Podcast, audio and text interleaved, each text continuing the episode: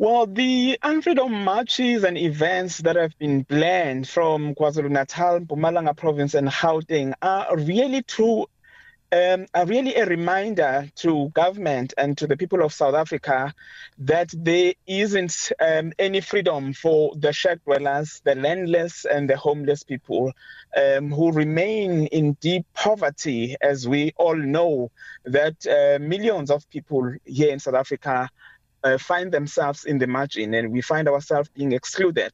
So we feel that it is unfair. In fact, it is a disgrace and an insult uh, to poor South Africans to claim that they are free when in fact they are still living in deep poverty that no one um, can accept at this point in, in time 29 years of our democratic um, dispensation people are really living a terrible life life that no human being deserve you know to live so all we were saying and that we intend to to say to South Africa and to government is that there is no real freedom. What we are told, what we are lectured about is fake freedom because there will be no freedom without land, no freedom without decent housing, and the right to participate in the decision making of this country.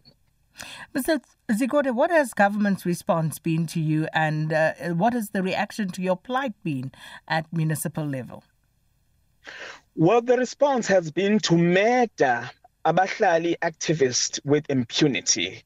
South Africans are aware of the ongoing slaughter of abahlali. Um, we have lost almost um, 24 activists to assassination. Just last year, uh, within the space of six months, four activists were murdered. So this is the response. You know, each time we raise our issues, each time we raise our concerns, the plight of the shared dwellers, the response is not just repression, but to the extreme of killing people.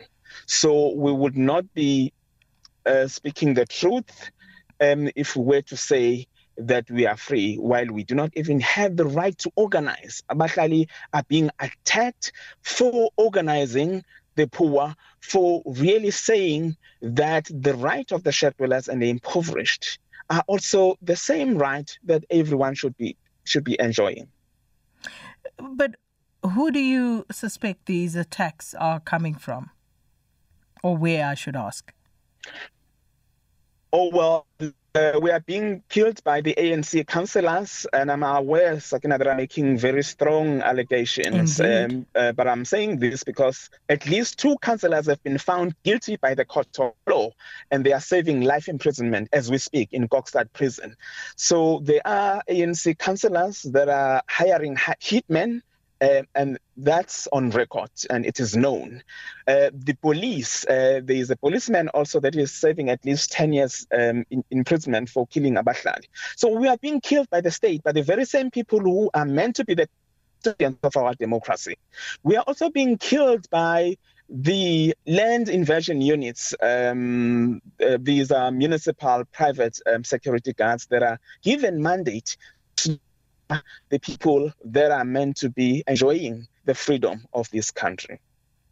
And uh, we are out of time, but I have to quickly ask you, Mr. Sigode, um, should your demands not be met because they haven't been met for many, many years, uh, what are your next steps?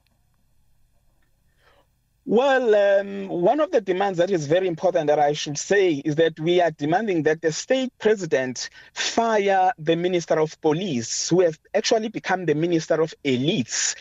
Uh, all these whistleblowers, traditional leaders, and Abahlali activists have been killed under his watch, and he has failed and ignored our plight. So we are calling for his immediate removal, the minister um, of police who have become the minister um, of, of elites. So we have given the um, head of state at least 20, um, so seven days to respond, failing which um, Abahlali has number two in place.